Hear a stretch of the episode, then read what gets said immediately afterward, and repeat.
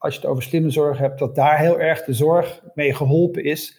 Dat we niet de verwachting hebben dat zorg overal een oplossing voor is. En dat het ons kan helpen voor alle problemen. Soms moet je gewoon eventjes wachten en dan is het vanzelf over. Kunnen we een zorginfarct voorkomen? Ik denk van wel. Dit is Slimme Zorg, een podcastserie van Ventura.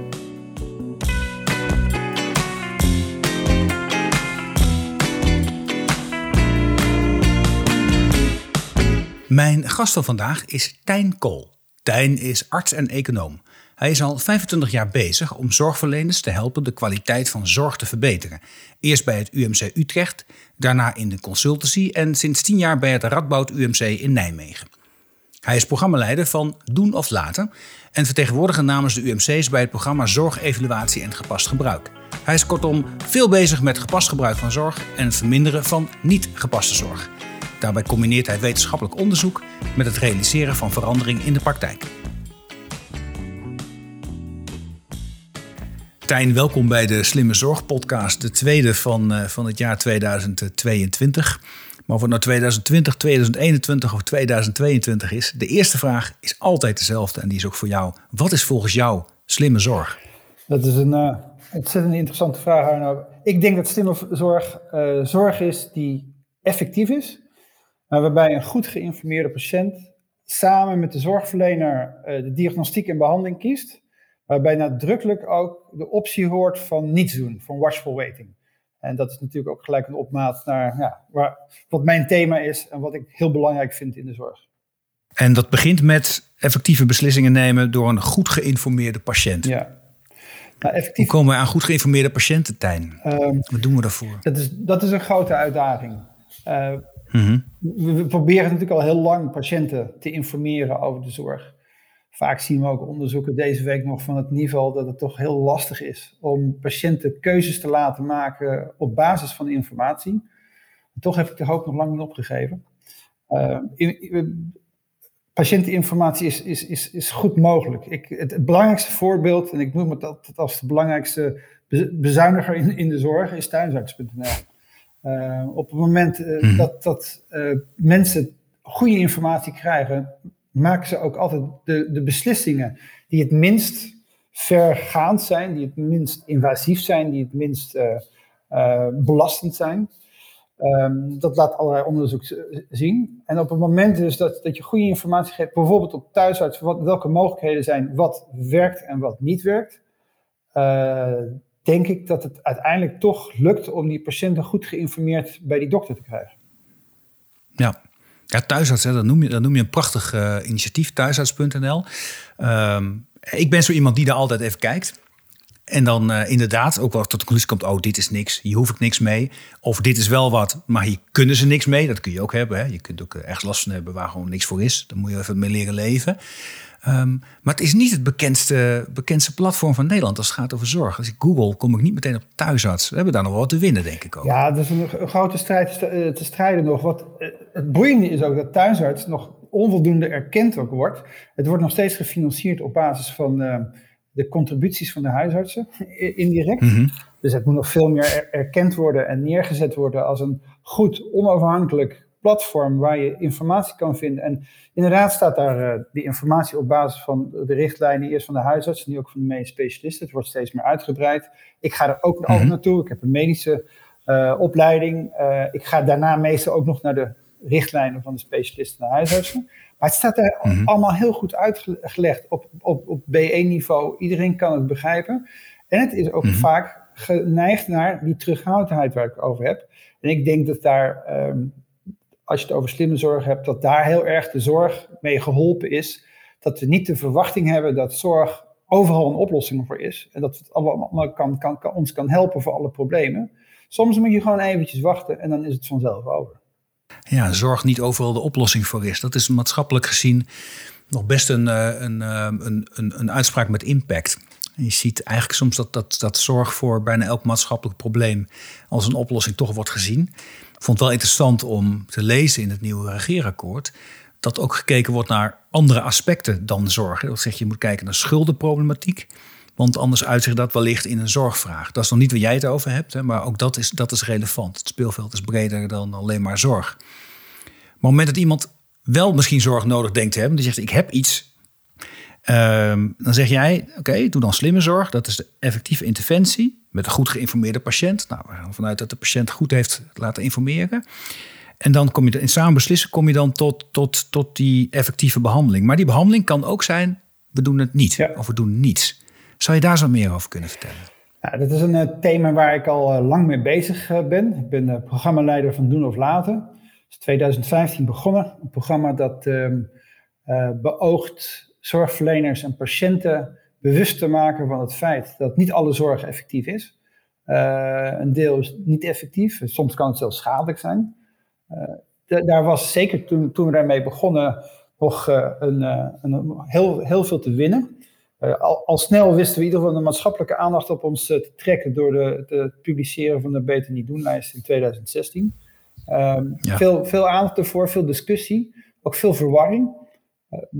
Het was eigenlijk een, niet meer dan een, een, verzameling van aanbevelingen uit de richtlijnen van medisch specialisten, die voor iedereen openbaar zijn op de richtlijnen database.nl.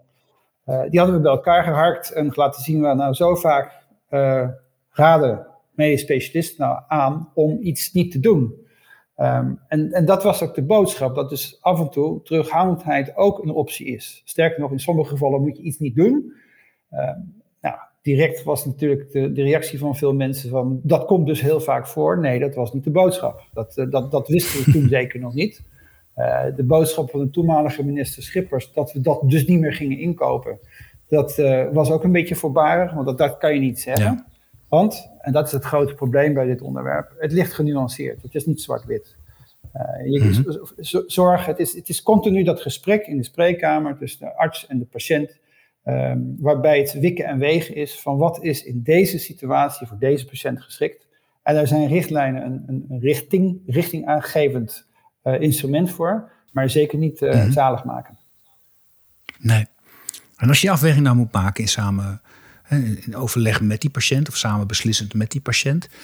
Uh, wat, wat is dan, het, het, is er een soort leidend paradigma op basis waarvan je dan kunt zeggen, nou ja, met de patiënt, dit, dit is het doel waar je in principe op af moet gaan of te kijken wat voor die patiënt belangrijk is en op basis daarvan nemen een besluit? Of is zelfs dat niet vast te stellen?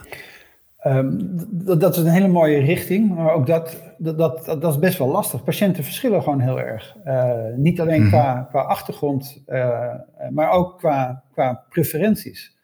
Um, mooi voorbeeld kan ik bijvoorbeeld noemen rondom uh, zo'n begrip van gepast gebruik van zorg. Dit is een ja. experiment dat we in het een onderzoek dat we in het Radboud UMC hebben gedaan, waarbij patiënten die behandeld zijn voor darmkanker, coloncarcinoom, de mogelijkheid krijgen om na een tijdje hun eigen keuzes te maken wat betreft de follow-up. Um, wij zijn heel snel gedacht, geneigd te denken dat mensen die kanker hebben gehad heel lang gecontroleerd moeten worden. Vooral veel uh, foto's en noem alles maar op. Dat, dat, blijkt in de praktijk niet zo heel veel toegevoegde waarde te hebben. Ehm, maar goed, er zijn mensen die daar heel veel waarde aan hechten. En ik denk dat je daar heel serieus naar moet luisteren en die mogelijkheid moet geven. Maar die patiënten krijgen dus de mogelijkheid om een eigen lab en, uh, en controles uh, te bepalen. Waarbij je overigens wel weer ziet dat, zoals ik eerder zei, heel veel patiënten best wel terughoudend zijn met die controles. Maar dat geeft dus heel erg weer dat patiënten kunnen verschillen in hun behoeftes. En ik vind dat de zorg daar veel meer rekening mee moet houden.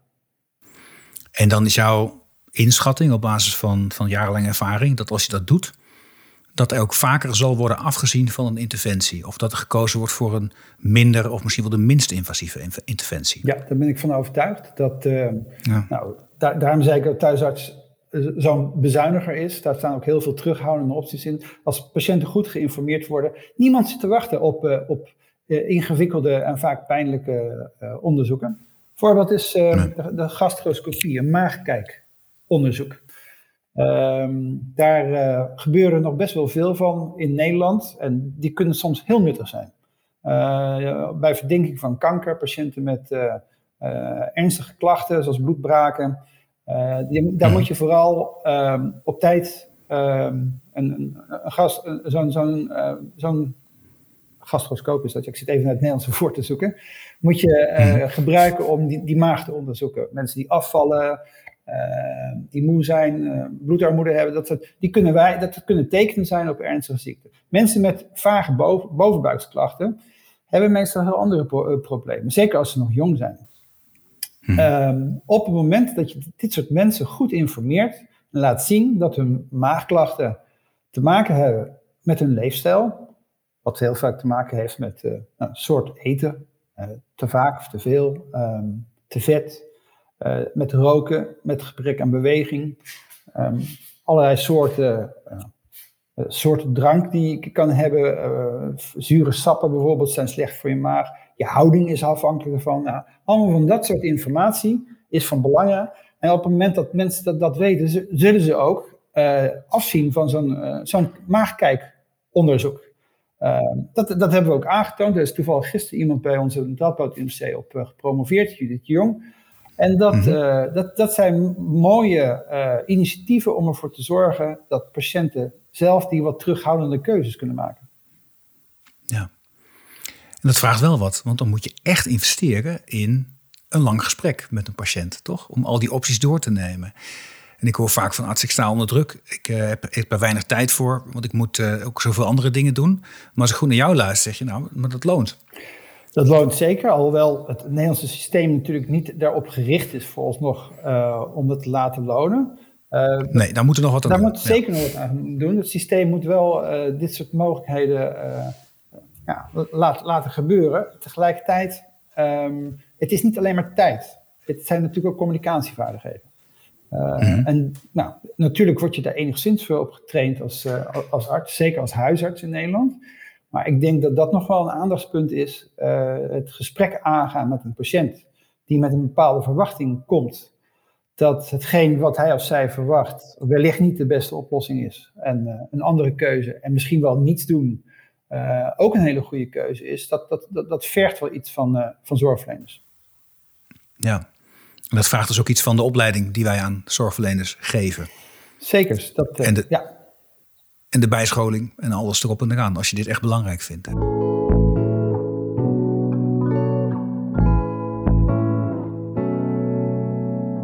En dit wordt belangrijk. Tenminste, ik heb het regeerakkoord gelezen. Dat is helemaal doorspekt tenminste de zorgparagraaf dan, door de term passende zorg. Hm. En dat komt volgens mij uit een notitie van het Zorginstituut en de Nederlandse Zorgautoriteit. En daarin, uh, ik heb even niet helemaal de definities paraat, uh, Tijn, maar daarin lees ik heel veel dingen terug die jij mij nu net vertelt. Uh, ja. Het is echt zorg op maat, bepaald in een gesprek tussen arts en patiënt in, uh, in, in, in, in, samen beslissen. En dan alleen om verspilling te voorkomen, dus alleen datgene doen wat echt bijdraagt aan de kwaliteit van leven. Zo sla ik het even plat. Ja, dan, dus het wordt heel belangrijk. Dan, dan, heb je die definitie van het Zorginstituut van passende zorg op eigenlijk in grote lijnen uh, neergezet. Het, zij zeggen ook wel dat de zorg dan zo dichtbij mogelijk uh, bij de patiënt moet zijn. Uh, Ja, ik, ik, ken de, ik ken de notitie, ik ken het regeerakkoord en passende zorg. ik ben heel blij dat instituten als het Zorginstituut en de NZA zit er ook achter, hier nu ook serieus werk van gaan maken. Mm Tegelijkertijd moet je oppassen dat het veld niet het idee gaat krijgen van ten eerste van, oh, daar hebben we nog een programma erbij, want er is al zoveel wat op dit gebied gaat lopen. Uh, dus ik zou er echt een pleidooi voor willen, willen, willen houden dat zoveel mogelijk die programma's met elkaar gaan samenwerken, want uiteindelijk zijn de doelen, doel, doelstellingen, zoals je net ook formuleerde, eigenlijk heel erg met elkaar vergelijkbaar. Uh, wat ik ook een beetje jammer vind, is dat uh, binnen dat programma uh, heel erg gedaan wordt van, goh, we gaan nu beginnen met passende zorg. Um, mm. En ik van, ja, dat, dat, dat, daar, daar, wordt al jarenlang niet alleen in doen of laten, het programma Zorg, Evaluatie, Gepast Gebruik. Uh, mm. de, nou, een van mijn voorgangers in deze podcast, Sjoerd Repping, heeft daar ook al iets over mogen vertellen. Ja, daar wordt al jarenlang heel serieus uh, aan, aan, aan, gewerkt. En ik denk dat we dat, dat ook zeer serieus moeten nemen. Daar, daar gebeurt, gebeurt veel, er worden goede resultaten uh, bereikt. En op basis van die beweging die op gang is gekomen, is het heel goed dat die beweging nog een extra golf krijgt door de invloeden van, uh, van het Zorginstituut en NZA met de passende zorg.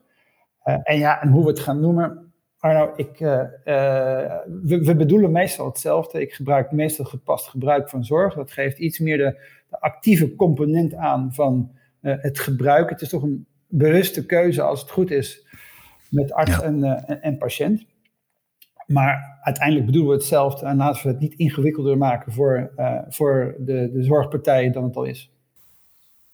Nee, en tegelijkertijd is het ook niet helemaal makkelijk. En je zegt het wel mooi. Het is het gepast gebruik van zorg. is wat anders dan passende zorg. En passende zorg lijkt het net alsof je een rek hebt en daar ligt alleen nog maar brokjes passende zorg in. Dus wat je dan uitpakt is per definitie oké, want passend. En deels daarvan lees je terug in het regeerakkoord. We gaan strenger kijken naar het pakket. Gaan dingen uitgooien die doelmatig zijn, die niet functioneel zijn of die niet bewezen zijn.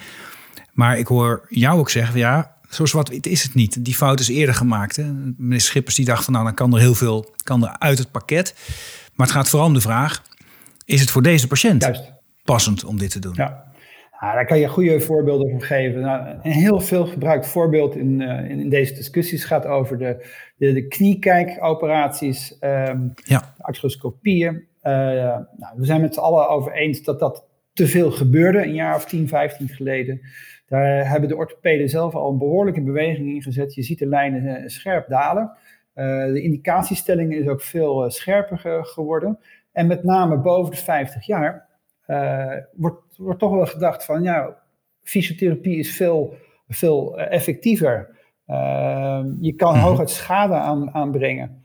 En het, uh, je moet daar heel genuanceerd mee omgaan. En zelfs boven de 50, maar ook onder de 50, moet je daar heel uh, gedifferentieerd naar kijken. Voor de ene patiënt zou het misschien nog wel werken, maar voor de meeste patiënten niet. Dus je kan niet zeggen, we houden op met arthroscopie te vergoeden. Zelfs niet eens boven de 50 jaar, vind ik zelf persoonlijk.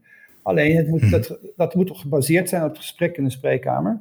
Uh, het ligt allemaal niet zwart-wit. Dat is het probleem. Nee. Nee, die knie, dus die kijkoperatie moet niet uit het pakket. Ja, die, die staat ook niet specifiek in, hè, maar in ieder geval als interventie zou het niet weg moeten. Nee. Maar je moet wel goede afspraken maken dat je hem alleen doet bij die patiënt waar die van waarde kan zijn en voor de rest niet. Ja. En ik hoor je ook wat anders interessant zeggen. Uh, dat speelt me ook wel mee. Het idee is dat als je gaat kijken naar gepast gebruik, dat het pakket dan ook kleiner kan worden. Want dan kom je erachter dat bepaalde vormen van zorg niet gepast zouden zijn. Maar het voorbeeld dat jij net geeft, dat je zegt, nou ik doe geen kijkoperatie, maar boven de 50 jaar kun je beter naar de fysiotherapeut, moet je wellicht het pakket zelfs uitbreiden om die fysiotherapie voor die patiënten in het pakket te krijgen. Ik uh, heb ook die dat dat nog niet helemaal beseft door iedereen. Eh. Nou, ik, ik denk dat de, de, bezuinigingen die het huidige kabinet hebben ingecalculeerd uh, op basis van het gepaste zorg, uh, En dus in de komende kabinetsperiode, de komende, nou, we hebben nog ongeveer drie jaar geloof ik. Um, ja, dat is niet zo dat, dat, krijg je natuurlijk als je zo lang formeert. Maar dat, uh, ja. uh, dat, dat is tamelijk, tamelijk uh, weinig realistisch. dat heeft deze week het Centraal Planbureau natuurlijk ook al is naar voren gekomen. Van die, die konden daar geen bedragen aan verbinden. Er zijn wel nee. eerder ook wel eens pogingen gedaan um, door, door, door adviesbureaus om met zeer grote klappen thuis te komen en daar bedragen aan te hangen. Ik denk dat het op korte termijn die hele beweging van passende zorg, gepast gebruik van zorg, geen, geen geld gaat opleveren. Dit is iets, het is hmm. een beweging die op gang moet komen. mensen moeten bewust worden, worden gemaakt. Zorgverleners moeten ander gedrag gaan vertonen. Die moeten soms geschoold worden in bepaalde bewegingen. het is veel meer maatwerk. Er is meer tijd voor nodig vergeet niet, het, het, het, het is een sterke vergroting van de, de, de, kwaliteit voor patiënten en voor de patiëntgerichtheid. Dat wel. Maar om nou te mhm. denken dat het op korte termijn uh, geld gaat besparen, vind ik uh, op zijn minst naïef. Op lange termijn wel degelijk. Want we doen dit natuurlijk om het zorgstelsel uh, houdbaar te, te, maken. Duurzaamheid is voor mij een heel belangrijk begrip. Ja. ik ben, deze week nog studenten heb ik onderwijs gegeven op dit thema. En een van mijn plaatjes is een, is een Tesla en een burger van Beyond Meat. Om de vergelijking er door te trekken naar andere sectoren van onze samenleving. We zijn bezig met een mhm. transformatie in de zorg. waarbij gepast gebruik heel, heel belangrijk is. Maar wij weten allemaal ook hoe lang het heeft geduurd voordat mensen elektrisch zijn gaan rijden. Ja. Daar moet je ook af en toe wat stimuli voor hebben. In dit geval was het een flinke bonus als je een elektrische auto kocht. Ja, misschien wel iets te flink, maar daar kun je nog mee ja. verschillen. Maar goed. En, en, die, en die vleestransitie is, is nog, nog steeds erg gaande. Het, ik geloof dat nog steeds de, Nederlander gemiddeld uh, ieder jaar weer meer vlees eet. En als dat een doelstelling is, hoor, dat is natuurlijk een politieke discussie. Maar je, dan weet je mhm. dat je gedrag gaat veranderen. Gedragsverandering kost, kost tijd. Uh, en, en, voor deze passende zorgbeweging heb je zowel de zorgverleners als de patiënten nodig. En nou, je mag blij zijn als je daar over tien jaar echt stap in hebt gemaakt. En daarmee hoor ik jou niet zeggen, je moet het niet doen. Je zegt nee, je moet het juist wel doen. Juist omdat het tijd kost, uh, is het goede nieuws. Ook wat jij net zei, we zijn er al mee bezig, al een tijdje. Het begint niet op nul. Het helpt dat het nu politieke volle aandacht krijgt. Um, en hoop dan dat je dan die komende drie jaar iets van, nou ja, die, die machinerie wat kunt versnellen. Ja, Arno, we, hebben helemaal geen keuze. Het is precies hetzelfde rondom het klimaat. Dat begint iedereen ook te beseffen van, we hebben geen keuze. Je kan het met elkaar over hebben van uh, hoe, hoe en in welke tempo. Maar dat geldt voor de mhm. zorg ook. Dat is, uh, nou, het WR-rapport is natuurlijk veelvuldig geciteerd. Uh, alleen dat was eigenlijk een soort, ja, een greatest hits van allerlei onderzoeken en ideeën die we al hadden. we moeten aan de slag. En ik, ik denk ook wel dat de zorg, dat zie ik echt de laatste jaren steeds meer en misschien wel de laatste maanden in, in versnelling. En daar heeft zeker de, COVID-crisis uh, aan, aan, bijgedragen. Uh, die, die zorg die is steeds, steeds meer zich bewust van het feit van we moeten veranderen.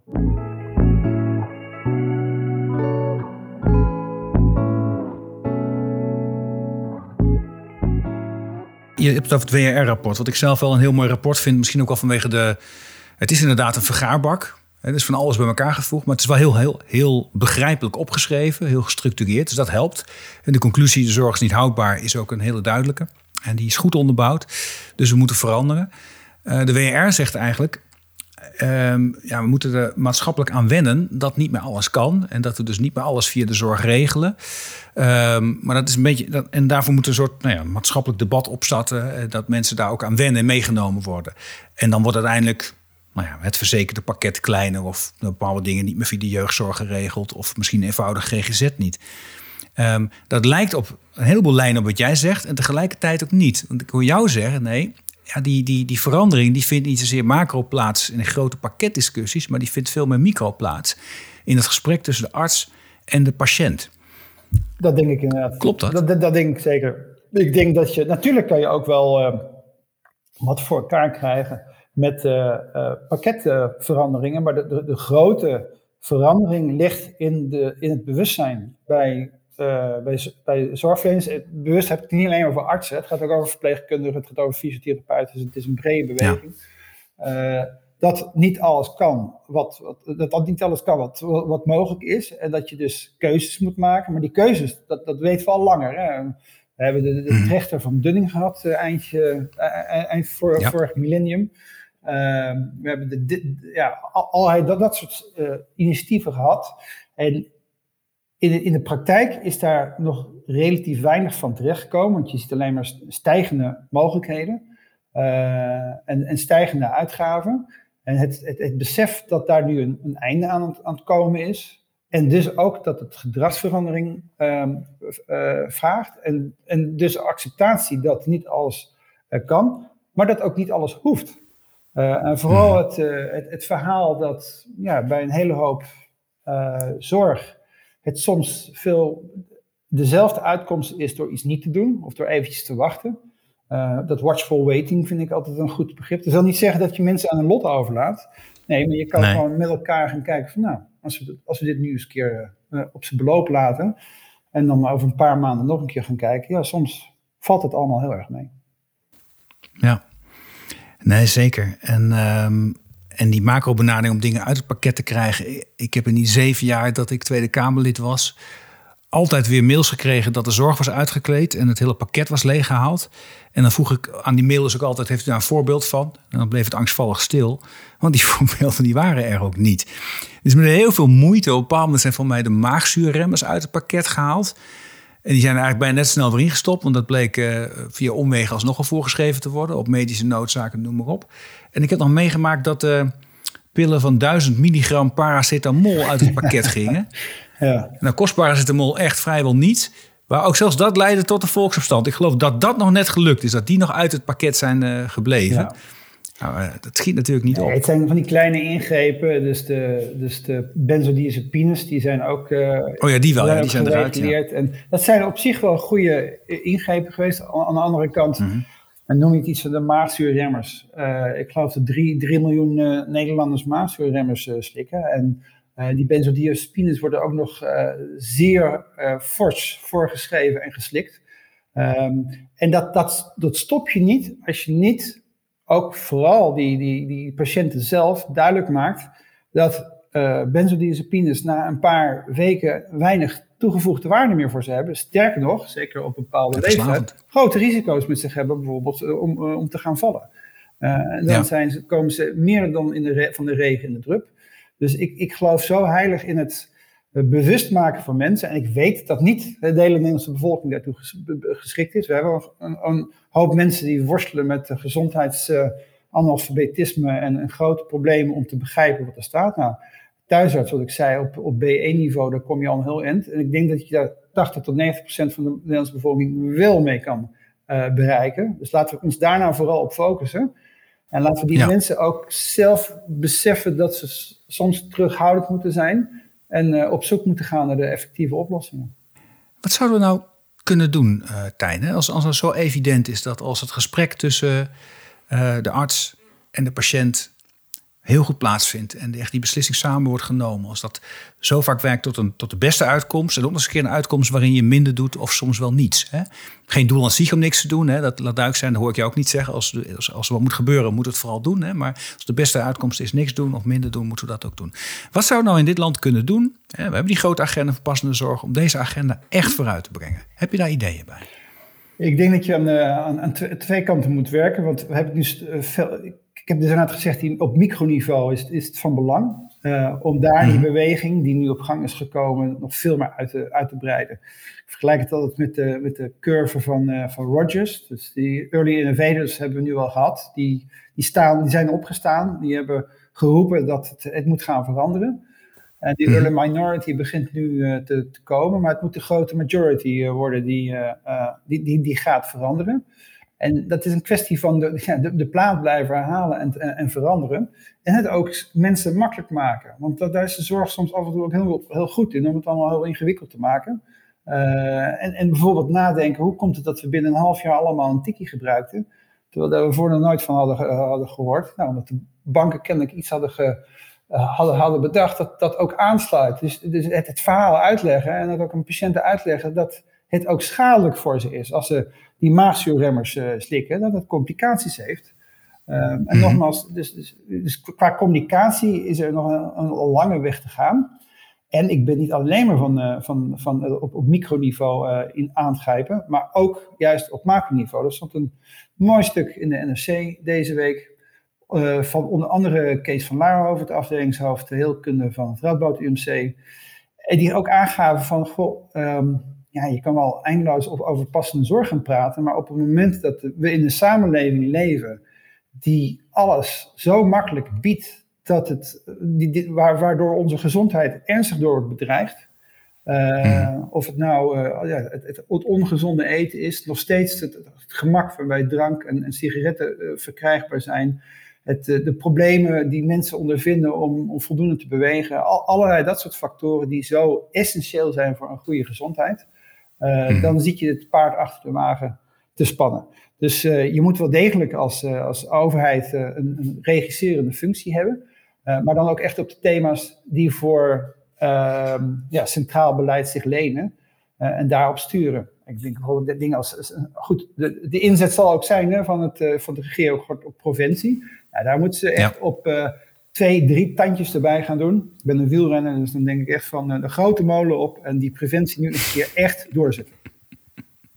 Ja, het kleine molentje hebben we al gehad hè, om jezelf in gang te trekken. Daar, kom je, maar dat, heb je nodig als je de berg op gaat, maar nu, nu gaan we naar beneden en nu moeten we gewoon een vaart maken. Ja, ja het, is, het, is, het is een heel ander onderwerp. Ik was zelf nog niet echt heel diep onder de indruk hoor, van alles wat er over preventie in het regeerakkoord staat.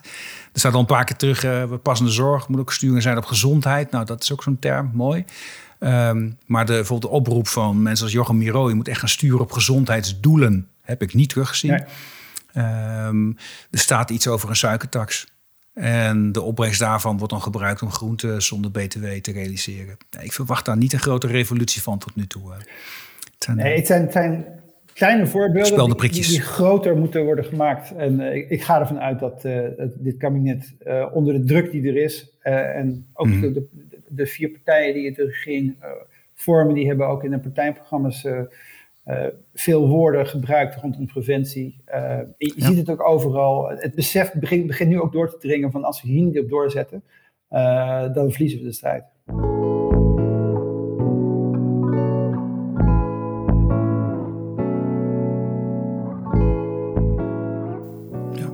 En daar, daarvoor geldt hetzelfde wat jij ook zei over informeren. Maak het makkelijk.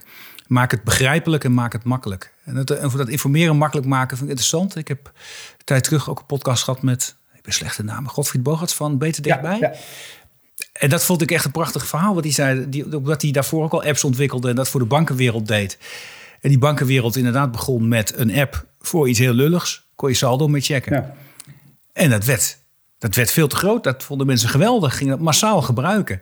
En toen is gaandeweg zijn daar wat functionaliteiten bijgekomen. Dus eerst aansluiten bij de allergrootste behoeften. En dan de rest. En zo kijkt hij ook een beetje naar beter dichtbij. Maar in de zorg, als je kijkt naar wat daar geleverd wordt, een digitaal patiëntendossier en, en, en EPD's, nou ja, dat is, dat is gewoon meteen een hele Ferrari die daar digitaal uh, ontsloten wordt. Ja. En je wordt er geen wijs uit. Ja, en bovendien zijn het, eh, is het een Ferrari die bestaat uit allerlei onderdelen die niet met elkaar communiceren. En, uh, en die, die strijd hebben we natuurlijk een beetje verloren alweer uh, ruim tien jaar geleden toen het landelijke EPD werd afgeschoten.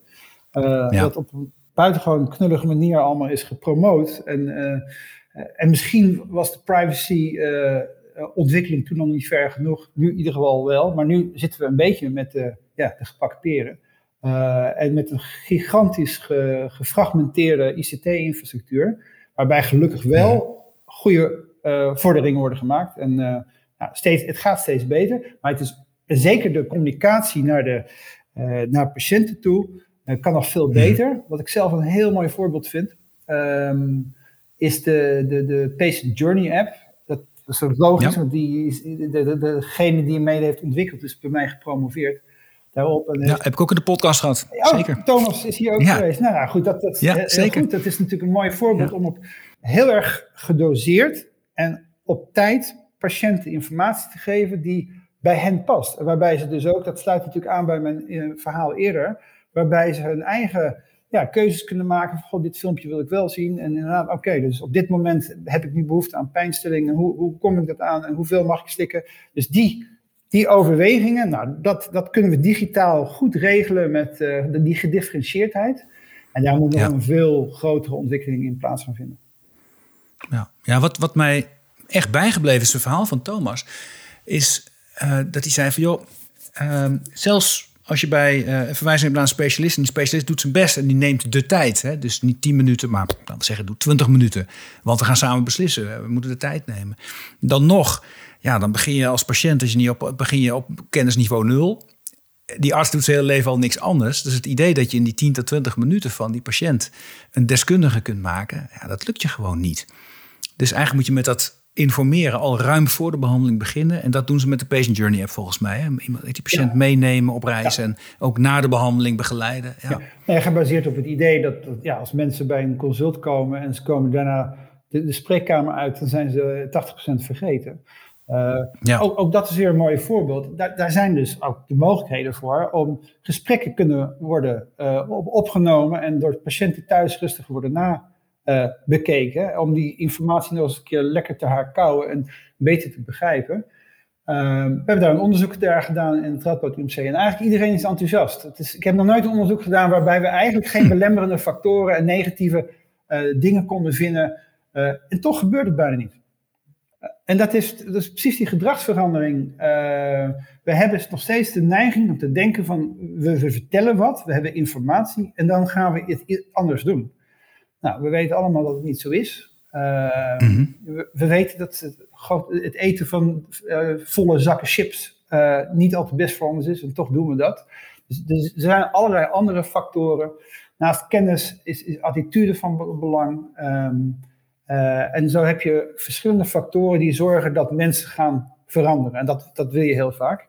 Um, En daar moeten we nog veel in, in, in leren. En ja, dat soort op, op maat informatie sluit wel veel beter aan bij de behoeftes van, van patiënten. Ja, en dan opnieuw terug naar gemak, dan helpt het enorm dat die patiënt daarin ook automatisch gefaciliteerd wordt bijna. bijvoorbeeld de Patient Journey app, waar je van tevoren al uitgenodigd wordt van nou, kijk hier eens naar, vul dit eens in. Maar ik kan me voorstellen dat het opnemen van zo'n gesprek, ja, een, patiënt of iemand die met de patiënt meekomt, die heeft de ruimte om een gesprek op te nemen, maar dan moet hij maar net aan denken en dat gaan doen. Ik kan me ook voorstellen dat je gewoon standaard opneemt en nazendt of in het uh, patiëntendossier opneemt. Ja, het vraagt wat data, maar het zou, zou toch zomaar Nee, maar die, dat is dus de mogelijkheid. Hè? In, in het Rabat UMC, ah. dat zal in andere ziekenhuizen niet anders zijn, want wij gebruiken gewoon uh, Epic, dat uh, door een groot gedeelte van Nederland wordt gebruikt. Is die mogelijkheid dat artsen dat doen. op, op, een paar knopjes drukken, dan wordt het ook verzonden naar het patiëntenportaal. Dat wordt veel okay, gebruikt. Mijn Radboud.nl en al die andere patiëntenportalen mhm. worden veel gebruikt. Dus het is eigenlijk heel makkelijk. En toch gebeurt het niet. En dat, dat is het fascinerende van, uh, hoe, dat toont aan hoe lastig het is om mensen echt die stap te laten maken. Ja. En als je dat weet, dan is het toch interessant hè, dat we proberen heel erg die zorg houdbaar te maken met allemaal systemen, financieringsarrangementen, anders inrichten, anders aanbieden. Rondom digitalisering speelt een beetje hetzelfde. Waarvan weten we ook hè, dat heel veel, met name van chronische patiënten, die digitale werkwijze over het algemeen beter is dan de fysieke. Meer oplevert, het is doelmatiger, iedereen profiteert ervan. Um, en dan is het idee, het gebeurt niet, want het kan financieel niet uit, men wil niet. Maar ik wil jou iets anders zeggen. We zijn er, het, is, het is echt. Um, er niet aan gewend zijn. Het is bijna een psychisch proces waar we doorheen moeten. Een, een veranderproces. En uh, ja, ik, ik denk, dat zijn dan wel de lastigste. Nou, dat zijn de lastigste. En ik denk dat daar heel erg uh, uh, mensen zich in vergissen hoe, hoe moeilijk het is om, om mensen te laten veranderen. Mm -hmm. Het mooiste voorbeeld is natuurlijk de, alle gedragsveranderingen die we hebben moeten doorstaan sinds corona in ons land kwam. Dat wordt heel erg als een medisch probleem ge, betiteld. Ehm, dat zie je ook doordat het OMT uit alleen maar medici bestaat. Uh, Terwijl ik van iemand die bezig is met gedragsverandering, ik, ik, noem maar geen gedragsdeskundige, maar die heb je ook wel. Daar kan je hooguit met enige verbazing naar kijken. Uh, en dus op het moment dat je gedrag wil, uh, wil veranderen, dan komt er veel meer bij kijken. Uh, en dan moet je dus echt met mensen gaan praten en kijken wat, wat zit erachter, uh, waarom mensen bepaalde dingen wel doen. En we weten ook dat het ontzettend veel tijd kost. En we weten ook nog eens een keer dat het heel makkelijk is om terug te vallen in oud gedrag. Uh, dus mm al die factoren bij elkaar. er is een, het is een hele wetenschap natuurlijk, implementatiekunde. Um, mm -hmm. Er komen ook steeds meer implementatiedeskundigen. En, en in de zorg zou er ook veel meer gebruik van moeten, moeten worden gemaakt om om die te gebruiken. Om hoe krijg je een innovatie die je, die, die je hebt en waarvan je dus wil dat een, een deel van de zorg dat gaat gebruiken. Hoe, krijg je die, hoe laat je die landen? En dan niet alleen maar in Amsterdam, maar ook in Rotterdam, Groningen en Maastricht.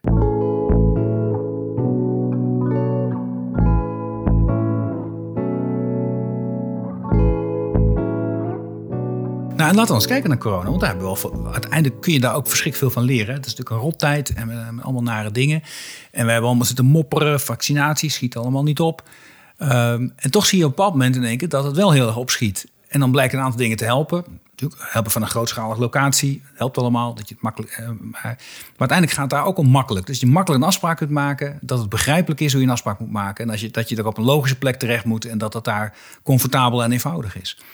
Dat helpt. En dat je daar steeds ook boodschappen hebt die uitleggen dat het verstandig is om te doen. En ja, het is, maar dan gaan we met die passende zorg dan toch ook moeten doen. Anders wordt het nooit wat. Ik denk dat het, uh, er, valt nog, uh, je, je, moet het inderdaad mensen vooral veel makkelijk maken. Dat vind ik dus, nou, blijft toch maar weer. Ik, ik, heb geen aandelen in thuisarts, dus dat kan niet, dat heb ik dus net verteld. Maar ik, nee, uh, nee, ik ben wel heel enthousiast erover, omdat het daar mensen heel makkelijk wordt gemaakt. Het wordt echt in kleine hapklare brokjes aangeboden.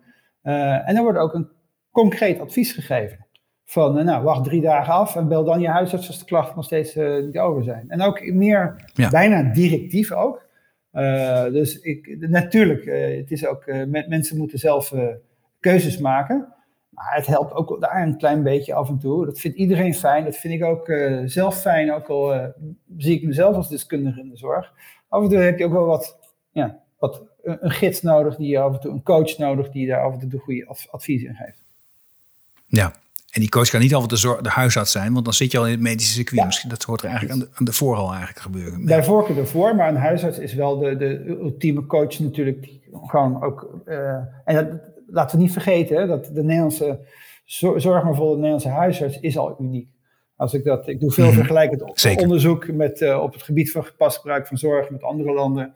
Mooi voorbeeld uh, het nemen van foto's voor la, lage rugproblemen. Ehm, nou, we moeten niet de illusie hebben dat je daar ook iets op gaat zien. En als je daar iets op gaat zien, dan heeft het niks met die lage rugpijn te maken. Uh, en dan kom je in een cascade van allerlei onderzoeken waar je helemaal niet in wilt terechtkomen. Dat doen we in Nederland heel goed. We hebben laten zien dat bijna geen enkele Nederlandse huisarts meer al te veel foto's aanvraagt. En als je het vergelijkt met landen als Canada en Verenigde Staten, dan, dan, dan scoren we daar gewoon goed in. Dus, ja. dus we, doen het goed. We, er is al een goede beweging in, maar um, ja, willen we hier echt voor de toekomst uh, uh, een dusdanige versnelling aangeven dat het ook uh, de zorg houdbaar blijft hebben, dan, dan, moet, ja, nogmaals, dan moeten er een paar tandjes bij. Ja, maar het interessante is, Tijn, als ik jou zo hoor, dat wat er moet gebeuren is geen rocket science. Daarvoor hoeven we niet hele grote nieuwe vindingen te doen. Dan zitten, we hoeven geen dingen te doen die nu nog niet in onze invloedssfeer liggen. Uh, we hoeven niet afhankelijk van het buitenland, van Google of van uh, wie dan ook. Dit kunnen we gewoon doen. Ja hoor, we kunnen. In dit land. Ja, we, we, kunnen morgen beginnen. Sterker nog, we zijn al uh, vele jaren geleden zijn al begonnen. alleen ja. die beweging kan wel breder. En daar helpt deze podcast mm -hmm. aan. En daar helpt het feit dat we hopelijk nu een, een, een minister hebben die heel erg oog hiervoor heeft. Uh, Ernst Kuipers heeft al zelfs in de eerste interviews toch wel door laten sijpelen dat uh, ja, niet alleen passende zorg, maar uh, laat ook zien dat hij het begrijpt. En dat is ook logisch. als ik met zo'n voorbeeld over die maagkijkoperaties is, hij is voor, voormalig MDL-arts, dus dat, dat zal hij allemaal goed begrijpen. Ik denk dat het gewoon nu veel breder moet worden neergezet. en mm -hmm. dat mhm. we met z'n allen veel breder moeten gaan beseffen dat ja, af en toe wat terughoudendheid een heel slimme en effectieve keuze is. Ja, en dat is eigenlijk een heel optimistische boodschap, als ja. ik dat zo hoor. Ja, ik denk dat we ook eh, eigenlijk wel heel goed bezig zijn.